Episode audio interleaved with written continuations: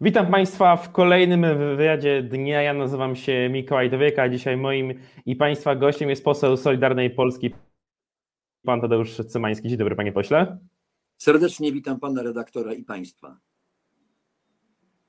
Pierwsze pytanie Serdecznie. będzie dotyczyć rzeczy najbardziej aktualnej, czyli Jarosław Gowin przestał pełnić funkcje rządowe. Porozumienie wychodzi ze Zjednoczonej Prawicy. Historia Zjednoczonej Prawicy ma wiele różnych e, akcentów, wiele różnych konfliktów. W związku z tym krótkie pytanie, czy Solidarna Polska na 100% pozostanie wierna e, projektowi Zjednoczonej Prawicy?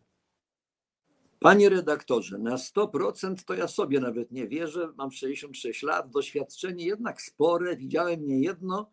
Pewna jest, jak to się mówi, śmierć, sąd ostateczny i niebo albo piekło. Niektórzy mówią, że podatki są pewne jeszcze na 100%. Ale myślę, i tym się chcę podzielić, i na tym chcę się skoncentrować, yy, uważam, jestem przekonany, bo za mało powiedzieć mam nadzieję, jestem przekonany, że jesteśmy wiarygodnym i yy, zdamy ten tru, trudny egzamin, bo jak byliśmy świadkami niedawno, różniliśmy się bardzo w ocenie przyjętych zobowiązań dotyczących praworządności, nawet była, był pewien kryzys. Ale warto zapłacić wysoką cenę, może nie każdą, za to, żeby utrzymać jedność prawicy i realizować ten program, który jest programem absolutnie nowym. Po kilkudziesięciu nawet latach bardzo liberalnej polityki mamy wreszcie czas, trudny czas, niełatwy, że wprowadzamy rozwiązania, które przede wszystkim łagodzą ogromne kontrasty społeczne, które były skutkiem jak to niektórzy mówią, tej neoliberalnej polityki zapoczątkowanej ponad 20 lat temu. A jak pan ocenia tą... Konkluzja jest taka, że będziemy, ja, ja przynajmniej będę działał na tą rzecz. Będę próbował, jeżeli będą kryzysy, przekonywać moich kolegów. I nie chcę, mając tyle za sobą doświadczeń, również przykrych, bo historia uczy, że w jedności siła.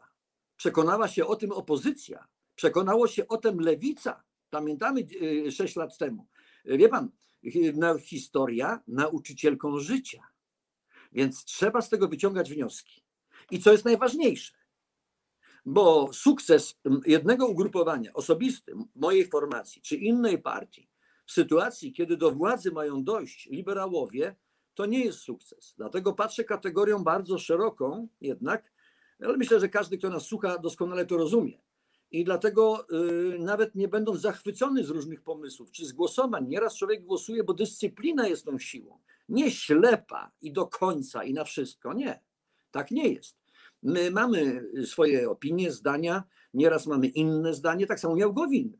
Tutaj warto przy okazji Gowina zapamiętać sobie i przypomnieć, że on zablokował jedno ze sztandarowych naszych y, haseł i programu. Trzydziestokrotność składki ZUS-owskiej.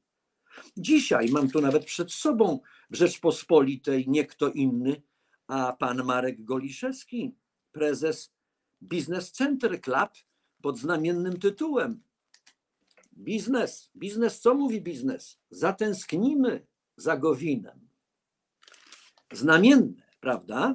Bo tylko pytanie, jaki biznes i kogo chcemy chronić? Bo małych, setki tysięcy firm nie stracą. Zyskają albo nie stracą. Natomiast rzeczywiście i program zakłada uszczuplenie jednak nie takiej małej, ale potężnej grupy bardzo e, mocnych, silnych ekonomicznie przedsiębiorców i chcemy, żeby ciężar wychodzenia z kryzysu i wsparcia najsłabszych Postawmy na razie jeszcze potężni. kropkę przychodząc, e, wracając właśnie do tematu Jarosława Gowina, jakby pan ocenił te 6 lat współpracy z już byłym wicepremierem?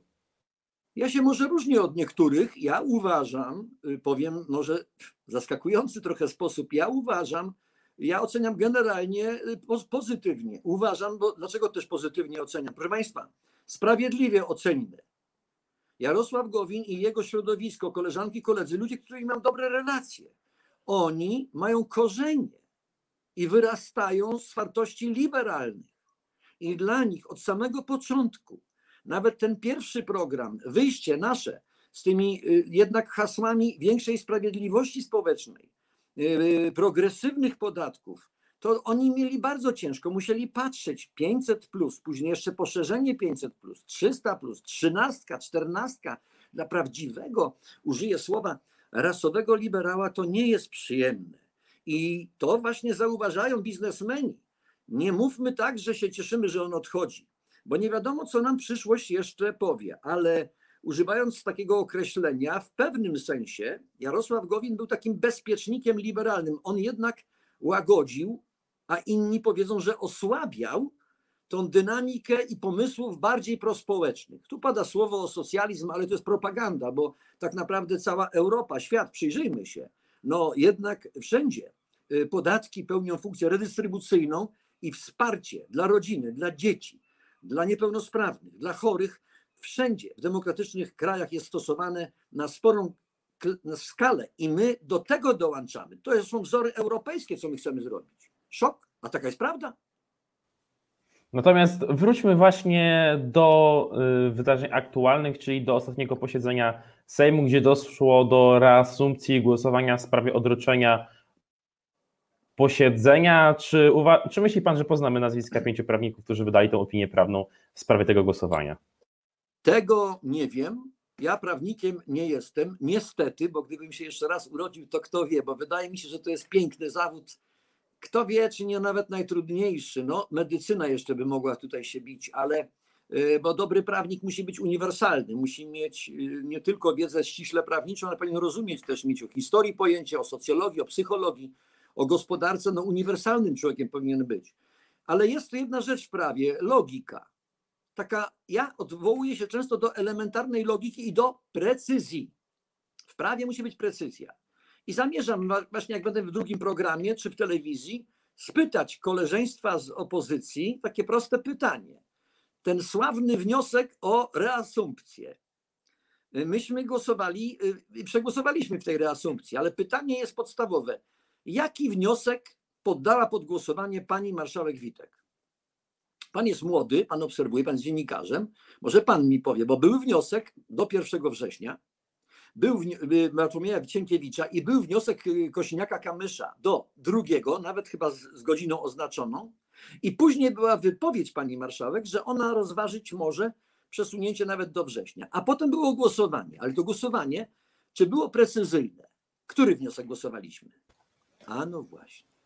Oczywiście ktoś powie, że to pretekst wykorzystaliśmy, ale ja wątpliwość mam, a jeżeli jest coś dyskusyjne, nawet w najmniejszym stopniu, to żeby rozwiać wszelkie wątpliwości, to naturalną rzeczą jest, że się poddaje reasumpcji. Co jeszcze powiem? Jestem weteranem. 24 lata temu trafiłem do Sejmu. Instrument reasumpcji jest bardzo rzadki. Bardzo rzadki. Nigdy nie był i nie jest nadużywany. Nawet w sytuacji, kiedy dwóch posłów się zagada i zapomni zagłosować, czy w takiej sytuacji albo się pomyli, albo nawet powie, że się pomyliło, choć może być inaczej. A kto ma moralne prawo powiedzieć w oczy panu posłowi Sachajce czy Kukizowi, teraz sponiewieranemu, sponiewieranemu bez jakiejkolwiek litości, no słowa, które padają, to osobny temat, że to jest coś niesamowitego. Kto ma prawo powiedzieć, że on się nie pomylił? Pan udaje, że się pan pomylił. No nie. I zawsze, jeżeli na sali sejmowej fizycznie jest większość, która może reasumpcję zrobić, takie rzeczy się zdarzały w przeszłości. Tu się przywołuje przykład Kopani Kopaczowej i Sikorskiego, tak? Podaje się, co wtedy nie było krzyku? Też, też, też nie wyszło. No były takie sytuacje, więc naprawdę robienie w tej chwili, a jeszcze słowa o zamachu stanu, o śmierci demokracji, no panie redaktorze i drodzy państwo internauci kochani, takie słowa zostawmy sobie, no ja chciałem powiedzieć na lepsze, na gorsze okazje. Zdrajcy, a już powiedzenie o człowieku, co byśmy nie powiedzieli naprawdę o Pawle Kukizie, ty gnoju, przepraszam za cytat, ty szmato. I to mówią ludzie pod nazwiskiem, wybitni ludzie artyści, ludzie kultury, no to ja przepraszam. No naprawdę. I się wyrzekają przyjaźni. To nie najgorsze, bo jest takie powiedzenie, kto przestaje być przyjacielem, nigdy nim nie był. Przyjaźń się poznaje wtedy, kiedy człowiek się zagubi, nawet zajdzie na złą drogę. Kiedy upadnie, wtedy przyjaźń pokazuje swoją potęgę. No więc teraz Paweł Kukiz ma się okazję przekonać, jakich miał, a, a w ogóle czy miał. Czy to byli przyjaciele którzy teraz go poniewierają i od najgorszych. Naprawdę, wie pan. Szanowni Państwo, poseł, poseł Cymański tłumaczy nam teraz y, odpowiada nam na słynne pytanie, jak, no. jak żyć, jak żyć, jak żyć, No to- szanowni państwo. Ale do pytania, bo ja się mam skłonność, na politycy za dużo mówią, przepraszam, jeżeli za dużo mówię, ale y, odnośnie pytania zwracam uwagę i zachęcam do lektury. Dzisiaj komputer pozwala, internet, sięgnąć, zobaczyć dokładnie, jak było, a jak to jest przedstawiane. Natomiast I logika reasumpcji. Logika reasumpcji. Dlatego jeszcze mamy szczegół, powiem, bardzo ważny z punktu prawniczego. Otóż nie dwóch, trzech, pięciu, dziesięciu, trzydziestu posłów pod nazwiskiem musi publicznie powiedzieć, tak, była pomyłka, chcemy reasumpcji. Natomiast czy rzeczywiście tak uważa pan, że doszło tam do pomyłki cztery razy z rzędu w tym głosowaniu w kole Kukiz 15, czy jednak pewne rozmowy, pewne zapewnienia mogły ewentualnie przekonać Pawła Kukiza do zmiany e, jego głosowań? Panie redaktorze, ja mam nadzieję, rodzice moi nie żyją, ale zostałem wychowany w taki sposób, że jeżeli ktoś oficjalnie twierdzi, że się pomylił, to nie mam moralnego prawa poddawać to w wątpliwość. Ja mogę sobie pomyśleć różne rzeczy i ja to rozumiem, ale publicznie, jeżeli nie mam żadnych przesłanek nawet, ale przesłanki można by tutaj mówić, no ale dowodów i faktów, twierdzenie, że się sprzedał, że się, nie chcę cytować, ale no to jest brak kultury moim zdaniem. Ja tak to widzę. Może Państwo widzą inaczej, albo Pan redaktor, wie Pan, takie, że... że Ja nie pytam, polityczna- e, ja nie pytam o kwoty pieniężne, ponieważ e, jeżeli chodzi o to, to nie mamy żadnych takich potwierdzonych kwestii. Natomiast ja bardziej pytam w kontekście na przykład ustaw, które chciał Paweł Już Kukiz, panu, e, Paweł Kukiz przepro- prze, przepchnąć, powiedzmy tak w cudzysłowie, to To jest, sprawa, to jest sprawa honorowa. Ja rozmawiałem kiedyś z Pawłem Kukizem i muszę powiedzieć, że chylę czoło, że za cenę zniewag, a teraz już całkowitych, absolutnych, że on jednak przyszedł do Sejmu z jasnymi, konkretnymi, kilkoma swoimi postulatami, tak? Miał klub, który miał nadzieję, że będzie odgrywał istotną rolę. Tak się ułożyła sytuacja, że mamy większość i on nie był ważącym tą siłą. Opuściło go bardzo wielu posłów, poszli w różne strony. Został z tymi swoimi najwierniejszymi ludźmi. I jeżeli on liczy na to, jeżeli on będzie popierał pewne, nie wszystkie zresztą, elementy Polskiego Ładu i PiS po to, żeby zrealizować chociaż jeden swój postulat, to będzie jego niezaprzeczalnym sukcesem. Czy to będą sędziowie pokoju, o co walczy, czy okręgi nawet mieszane na styl niemiecki, a więc system mieszany, bo chciał jednomandatowych okręgów, tak? Czy wybór prokuratura w sposób powszechny. To był- było jego kilku, kilka, czy wreszcie ustawa o transparentności, czyli antykorupcyjna. No ludzie kochani, daj Boże nam takich posłów, nie, nie, bo on jest artystą przy okazji. On jest, to jest, człowiek, który ma ustawione życie i nie musi tym posłem być. I to jest tak niesprawiedliwe i krzywdzące. Więc w tym sensie, o co pan pyta, jeżeli on jest gotowy popierać nas w takich momentach, miałem swoje wątpliwości różne też, żeby zrealizować to, co zobowiązał się wobec wyborców, z tą garstką pierwotnie, bo on nie wygrał wyborów, on miał kilkunastu posłów.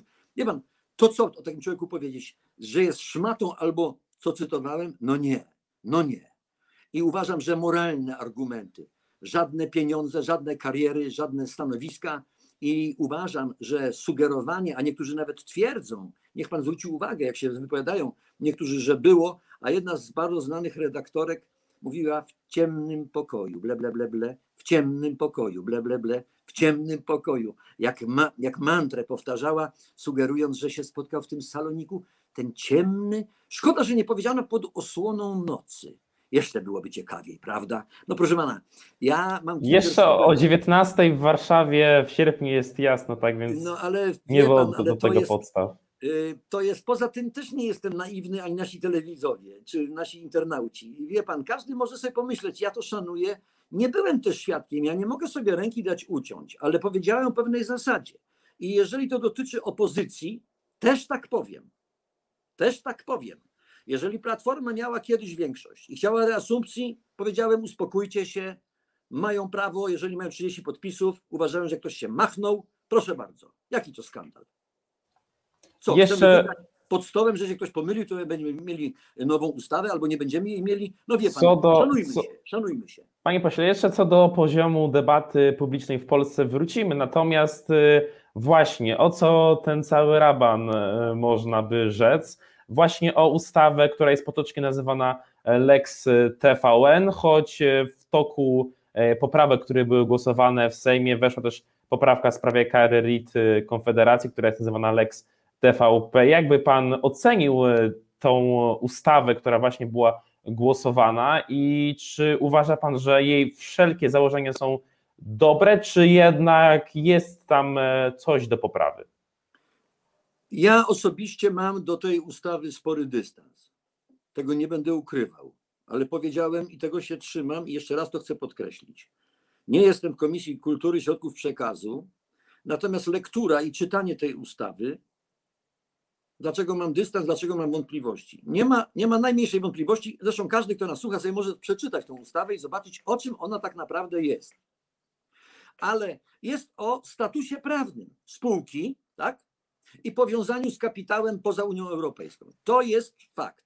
Natomiast w polityce i w życiu nie to decyduje, co jest formalne, co jest de facto, co jest prawdziwe, tylko decyduje odbiór odbiór społeczny. A odbiór społeczny jest niestety taki, że to jest próba likwidacji TVN, stacji, która powiedziałem, że jest najbardziej obiektywna, wszyscy to na serio potraktowali, a to, to chyba podszyte, przepraszam tych wszystkich za jakąś łagodną ironię, bo, bo obiektywizm jest cnotą absolutną i nieosiągalną, ale, ale to już na marginesie.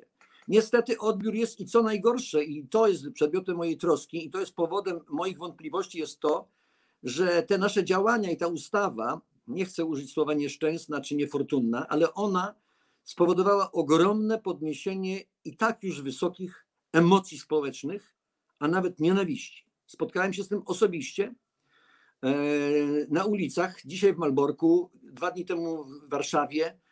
Teksty i sposoby, oczywiście, że to mówią zwolennicy Platformy i tak dalej, to jest wszystko jasne i czytelne, ale wydaje mi się, że chwała tym, którzy działają na rzecz łagodzenia nastrojów, ponieważ najgorsze, czego nam potrzeba, to eskalacji i to, co Pan przed chwilą powiedział o tym hejcie, o tych słowach, naprawdę y, z tego się najbardziej cieszą w Berlinie i w Moskwie. Bo obrzucanie się inwektywami, po prostu my musimy zacząć rozmawiać ze sobą i pewne rzeczy, dlatego mówię to tak tutaj Panu i internautom, że że gdy, no ale ja nie mam też siły sprawczej. Trzymam się dyscypliny, bo jedność koalicji dla mnie jest wartością nadrzędną. Ale gdyby pan mnie pytał, czy ja bym zrobił to inaczej, czy w ogóle, bo ta ustawa też jest ustawą dzisiaj, którą żeśmy przegłosowali, natomiast sytuacja prawna, ona istniała jakiś tam czas, prawda? I, e, i również proces koncesyjny y, też wchodzi. Ja czytam różne opinie, i, I, jeżeli mam wątpliwości, to wcale nie znaczy, że jest źle. Ja uważam, że wątpliwości są dobrą Ale panie pośle, wiemy jakie będą efekty. Efekty będą takie, że amerykańska spółka, jeżeli ustawa wejdzie w życie, to jeszcze nie jest powiedziane, jeszcze nie wiadomo w jakim kształcie ewentualnie wejdzie w życie. Nie wiemy jeszcze, jak e, pan prezydent się e, zachowa w momencie podpisywania tej e, ustawy, jeżeli ona przejdzie, najprawdopodobniej po powrocie Senatu, więc tak na razie jeszcze mówimy o rzeczy, która nie weszła w życie.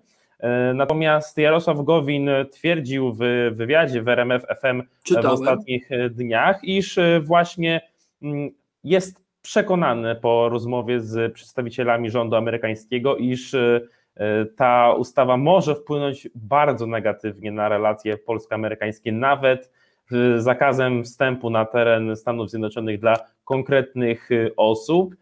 I jest dzisiaj też również, tak samo RMF FM E, poinformowało, iż prezydent Biden rozważa sankcje e, nawet nie wobec e, Polski, natomiast wobec konkretnych osób, albo ewentualnie wycofania wojsk amerykańskich z Polski do Rumunii. Więc jakby pan, czy, czy, może już pomijając sam kształt ustawy, czy jest hmm. ewentualnie tego warta, takiej, takiej ceny?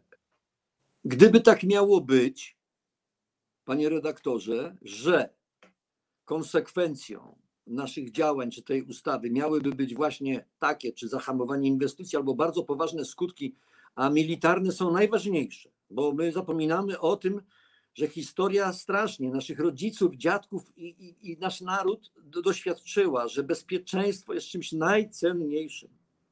To byłoby bardzo źle i to by było potwierdzenie wątpliwości, do których się przyznałem przed chwilą, tak? To oczywiste pytanie jest retoryczne, ale mam nadzieję, że y, jednak sojusz i relacje polsko-amerykańskie są na tyle potężne i Amerykanie też, myślę, gdzie się mierzyć silnemu państwu z potężnym. Ale Nord Stream i polityka Bidena i te działania Ameryki przecież to nie dlatego niektórzy mówią, że się chcemy odegrać czy zemścić. No nie. Ale naprawdę polityka przede wszystkim i wszystkie sprawy się do pieniędzy sprowadzają. Ja osobiście nie wykluczam, ale mam nadzieję, że takiego scenariusza nie będzie. Co więcej, powiem jeszcze inaczej.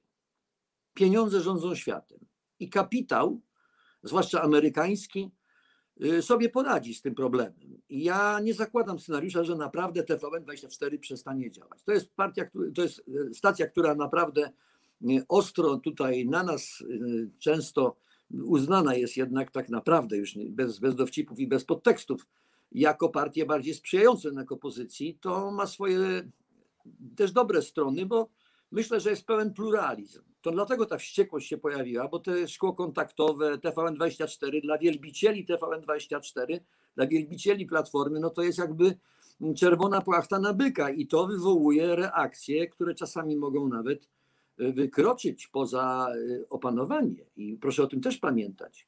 Więc te skutki... właśnie co do mediów, e, co to zresztą poruszyliśmy w dzisiejszym wywiadzie y, można by przejść do ogólnego poziomu debaty publicznej w Polsce. Przed Sejmem zaatakowano, trzeba to po prostu powiedzieć wprost, posła y, Sośnierza.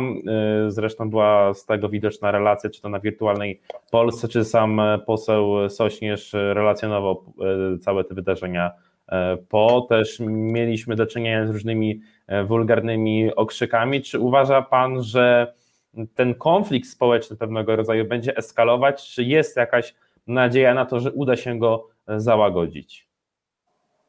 Panie redaktorze, przykład idzie z góry. Ja lubię czasami przywoływać, czasami zbyt często różne porzekadła i przysłowia. I uważam, że zgoda czy dialog potrzebuje dwóch stron. I w Polsce niestety bardzo takie słowo, które jest wspaniałym słowem, trudnym słowem, ale w życiu i w polityce powiedziałbym nawet błogosławionym jest słowo kompromis. A u nas jakoś dziwnie, historycznie, cnotliwi i najlepsi są ci, którzy są bezkompromisowi. Oni wobec nas, totalna, ale i u nas też pazurków nie brakuje i nie jesteśmy święci. Niestety, ludzi, którzy chcą rozmawiać, którzy próbują znaleźć porozumienie. Y, natomiast myślę, że moment jest szczególny, dlatego że teraz, zwłaszcza kiedy jednak odejście Gowina, co by nie mówić, trochę utrudnia nawet bardzo sytuację, to to, co jest dla mnie najważniejsze, czyli Polski Ład. Kto wie, czy doprowadzenie do realizacji i wprowadzenie w życie oczywiście musi być wypracowany, musi być wypielęgnowany i musi być też dogadany i w porozumieniu, nie, myślę, z udziałem też opozycji, do czego zachęcam wszystkich, zachęcamy. Chcemy rozmawiać o Polskim Ładzie. To będzie bardzo trudne, ale tutaj to słowo kompromis, kiedy trzeba będzie może kompromisu, znaleźć kompromis z tymi, którzy będą gotowi go poprzeć w ostatecznych momentach. E, to jest, żeby też znaleźć ten kompromis i rozwiązania, bo idea jest prosta Chcemy wesprzeć i pomóc słabszym, a trochę uszczuplić dochody najsilniejszym, najpotężniejszym. Jak ja czytam w prasie, a czytam teraz sporo te artykuły, to tak sobie tak myślę, no Boże Święty, do czego doszło? Czytam, nokautujący cios w klasę średnią. Panu, młodemu dziennikarzowi na progu życia, 20 lat, życzę Panu, żeby Pan był znokautowany 9% składką zdrowotną w sytuacji, kiedy będzie pan kilkanaście tysięcy na rękę zarabiał. Oto i cała prawda. Chętny taki program byłby, co to jest klasa średnia? Niech pan zaprosi, niech pan popyta, co to jest ta klasa średnia? To jeżeli średnia klasa jest powyżej 12 Według tysięcy, ministra Patkowskiego jest to 4 tysiące złotych brutto. A według OECD szaleńców, głupców, organizacji jak państw rozwiniętych a proszę pana, chodził pan do szkoły, ja też chodziłem, tak? I nasz telewizowie, internauci chodzili. No średnia. Co to znaczy w ogóle pojęcie średniej? Co to znaczy mediana? Statystyki się każdy uczył. No więc co to znaczy średnia? Odchylenie, proszę pana, decyle poszczególne. No o czym my, o czym my mówimy w ogóle? Ja byłem sprawozdawcą, na moment to powiem, yy, bo jestem wiceprzewodniczącym Sejmowej Komisji Finansów Publicznych, byłem sprawozdawcą za budżetu za ubiegły rok. Danina solidarnościowa, pamięta pan? Sławna danina dla niepełnosprawnych. 4% od dochodów ponad milion. Milion złotych. I proszę pana, czyli jak ktoś ma 100 tysięcy miesięcznie, to ile zabuli na koniec roku? Milion dwieście, 4% od ponad miliona, czyli 4% od 200. To jest 8 tysięcy złotych. 8 tysięcy dla niepełnosprawnych będzie musiał oddać człowiek, który ma milion dwieście zarobionych pieniędzy. Cios? Uderzenie? W klasę średnią? a takie tytuły były w wyborczej i proszę pana u liberałów. Tu jest front i tu się rozegra cała sprawa. I teraz nie dokończyłem. Najciekawsze. Nawet jeżeli pan miał czwórkę z matematyki czy z arytmetyki, każdy z państwa, to jeżeli ja w sprawozdaniu ku zdziwieniu niektórych powiedziałem, że te 4% od dochodów ponad ponad milion rocznie. Wie pan ile dało w budżecie dla niepełnosprawnych? I wszystko zostało przekazane niepełnosprawnym. Miliard 850. Robi wrażenie. A o czym to mówi? Że to bardzo dobrze. Chcemy, żeby ta dynamika najlepszych, najbogatszych rozwijała się, ale obciążenie, jeżeli porównujemy się do rozwiniętych krajów demokratycznych, w sytuacji po covid nie jest żadnym ciosem, nie jest krzywdą, wręcz jest moim I zdaniem tu moralnie postawmy kropkę. E, Na razie jeszcze i. wiele tematów poruszymy Monika w komentarzu i. No dobrze, politycznym dobrze. o Pan broni Moniki 20.30. Natomiast damy jeszcze szansę zadania panu posłowi e, pytania przez naszych widzów. I pierwsze pytanie, które zostało zadane, e, brzmi: dlaczego pana ugrupowanie jest przeciw federalizacji Unii Europejskiej? Już odpowiadam. Dlaczego jest przeciw federalizacji? Dlatego, że większość z moich kolegów, ja również, jesteśmy bardzo przywiązani do idei kiedyś sformułowanej przez Charlesa de Gaulle'a. Europa jako związek ojczyzn. Chcemy zachować autonomię jako państwo. Każdy z nas, ten, który mnie pyta tam w podtekście, może ma inne zdanie, bo tak można to, to odczytać. Dlaczego my jesteśmy przeciwko? Że to nie jest takie złe. Federalizacja powoduje, że powstaje tak naprawdę jedno państwo. I żeby federalizacja Europy postępowała, żeby doszło wreszcie do konstytucji Europy, pamiętamy moment, kiedy się przeciwstawiła Holandia i Francja, jedno państwo i będziemy wtedy tak jak w Stanach Zjednoczonych. Proszę Państwa, może ktoś być zwolennikiem, może tak kiedyś się stanie, ale bronię jednej kwestii. O tym musi decydować większość Polaków. Cały czas y, z uporem pewnym, ale konsekwentnie odwołuje się do wyborów. Jeżeli my tak fatalnie niszczymy demokrację, jesteśmy przeciw federalizacji, my tutaj zwracamy uwagę na pewne ważne kwestie też. Proszę czytać różnych polityków, na przykład Jana Marię Rokity, który pisze y, o różnych uzurpacjach. Y, Właśnie ten proces federalizacji jest bardzo wielu zwolenników. Również w Polsce jest ich sporo, nie wątpię. Ale decyduje większość. My nie chcemy, żeby o tym, co się dzieje w naszym kraju, w najważniejszych kwestiach, decydowała Bruksela. I Mamy jesteśmy kolejne- za Mamy kolejne pytania. E, Panie pośle, bardzo Tak. interesujące od pana Karola e, Wilkosza. Dlaczego jest pan socjalistą? Już mówię, a odpowiem w taki dość e, dziwny sposób. Odpowiem. Była kiedyś debata prezydencka i był e, z świętej pamięci Lech Kaczyński. I był spór o bezpłatne studia, bezpłatną służbę zdrowia. I ktoś powiedział z dziennikarzy, nie mam takiej znakomitej pamięci, ale pamiętam, bo to przeżyłem i dotyczy to również w kontekście tego pytania. I powiedzieli, panie prezydencie, prezydentem Warszawy był wtedy, no to przecież jak pan jest za takimi bezpłatnymi studiami i za tym socjalnym spojrzeniem i za pewną sferą gospodarki również państwowej, to pan jest socjalistą. I wtedy Lech Kaczyński odpowiedział, i jego cytat będzie moją odpowiedzią. Jeżeli ochrona słabszych, studentów, niepełnosprawnych, emerytów, którzy mają bardzo niskie świadczenia, ciężko pracujących robotników z licznymi dziećmi, wsparcie ich, finansowe również, jeżeli to jest nazywane socjalizmem, to ja przyjmuję to słowo. Poza tym powiem jeszcze ważną rzecz. Moje poglądy, moje przekonania, jeżeli ktoś tak, bo mnie to nie uwłacza to słowo. To słowo jest zgrane, bo ono się kojarzy z PZPR-em, z komunistami, z krajem rad i tak dalej. Ale nie, problem nie jest w nazwach. To nie jest najważniejsze. Moje przekonania o świecie ukształtowało moje życie, dzieciństwo zwłaszcza, bo pochodzę z dość ubogiej rodziny i również doświadczenia y, ojca licznej rodziny. Tu jest, bo to też jest nazwane socjalnym socjalizmem. Przecież y, dlatego mówiłem, że y, inne ma spojrzenie na te tematy Gowin, Jarosław Gowin i on, on może nawet cierpiał, mu nie było łatwo i, i łatwo go potępić też, ale ja doceniam, że on będąc jednak z przekonania, on, on łagodził i powiedziałem tu przykład, że, że hamował pewne nasze działania, nawet sztandarowe, ale powiedziałem też o kompromisie. I kto wie, bo to jest bardzo łatwo potępić.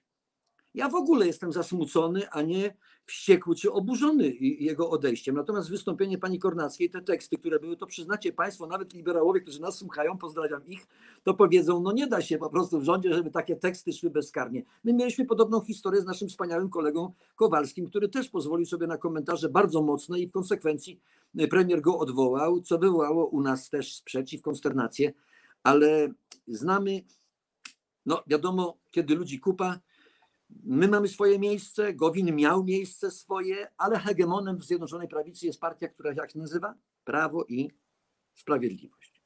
Panie pośle, mamy jeszcze kolejne pytania na sam koniec. Zadam e, dwa pytania razem. Co pan sądzi o wprowadzeniu polonijnych okręgów wyborczych postulowanych przez Krzysztofa Bosaka oraz dlaczego przez 6 lat Solidarna Polska nie złożyła projektu ustawy o likwidacji immunitetów poselskich? Y, jeżeli chodzi o okręgi polonijne, jak najbardziej tak. To jest bardzo ciekawe, bo uważam, że na obczyźnie ja tego nie doświadczyłem, będąc, natomiast myślę, że wszelka pomoc, również szczególnie w zakresie poczucia się obywatel naszego państwa, w głosowaniu, tak to rozumiem, to myślę, że jest godna uwagi i poparcia. Pytanie jest o szczegóły. Natomiast dlaczego nie złożyliśmy? Myślę, że nie, nie, ja uważam, że broniłem, bronię i będę bronić immunitetu, bo założenie immunitetu jest bardzo szlachetne i dobre. Natomiast pytanie jest o, o nadużywanie immunitetu. Żeby to nie oznaczało bezkarności, że poseł sobie robi co chce. Ja pamiętam czasy, kiedy poseł jechał za szybko, jechał czasami w takim nastroju czy w innym i był bezkarny. Tak, tak, tak ten immunitet działał. Zmieniono w tej sprawie sporo. Już dzisiaj nie ma tak, że policja mnie zatrzymuje za przekroczenie i ja mam immunitet. Immunitet powinien być ograniczony tylko i wyłącznie do pełnienia mandatu i funkcji, nawet naszej rozmowie. Tylko nie można y, granic prawa łamać. Więc immunitet nie jest polskim wynalazkiem, nie jest, nie jest przejawem bezkarności i wszechmocy y, posłów. Myślę, na świecie również ta instytucja działa w różnych krajach. I to jest odpowiedź, może nie satysfakcjonuje, bo no, jednak jest to pewne wyróżnienie. Poseł, żeby się nie obawiał też, ja tak to nawet widzę, bo ja jestem już starszy, moja odwaga jest tańsza ale młodzi posłowie, którzy mają różne aspiracje, ambicje, plany, y, oni bardziej się czasami obawiają, nie chcą się wychylić. Y, najrzadszą chyba cnotą jest jednak odwaga, myślę. I panie pośle, na froncie i w polityce. I panie pośle, na koniec całkiem ciekawe pytanie. Czy według pana PiS jest partią socjaldemokratyczną? Znawcą od doktryn, od, od doktryn Y, politycznych, y, czy, czy chadecką partią, wie pan, y, no, myślę, że na pewno jest partią, która ma w swoim programie demokratyczne, socjalne, w jakimś stopniu na pewno tak, tak na moją bardzo, przyznaję się, taką ciosaną, proste rozumienie świata. No, na pewno jesteśmy konserwatywni, na pewno w przymazie gospodarczym jesteśmy za progresją, tu widać wyraźnie, jesteśmy za udziałem silnym gospodarki państwowej, za silnym państwem. To są cechy przypisywane partiom, o które pan teraz y, pyta. No, tak bym na to y, odpowiedział. Natomiast no, problem nie jest chyba też moim zdaniem w nazwach, tylko, y, tylko w faktycznym działaniu. No, I takim nas... akcentem podsumowania ideologii Prawa i Sprawiedliwości możemy zakończyć dziś, dzisiejszy wywiad e, wraz z zaproszeniem na godzinę 20.30, już za 20 minut, na komentarz polityczny, w którym również pan poseł e, Cymański weźmie udział, a za wywiad dnia bardzo serdecznie dziękuję naszym widzom i przede wszystkim mojemu e, gościowi, którym, Żarty był. się skończyły, bo tam już nie będzie tak elegancko, Tadeusz jednak Cymański. będą przeciwnicy moi, ale nie wrogowie.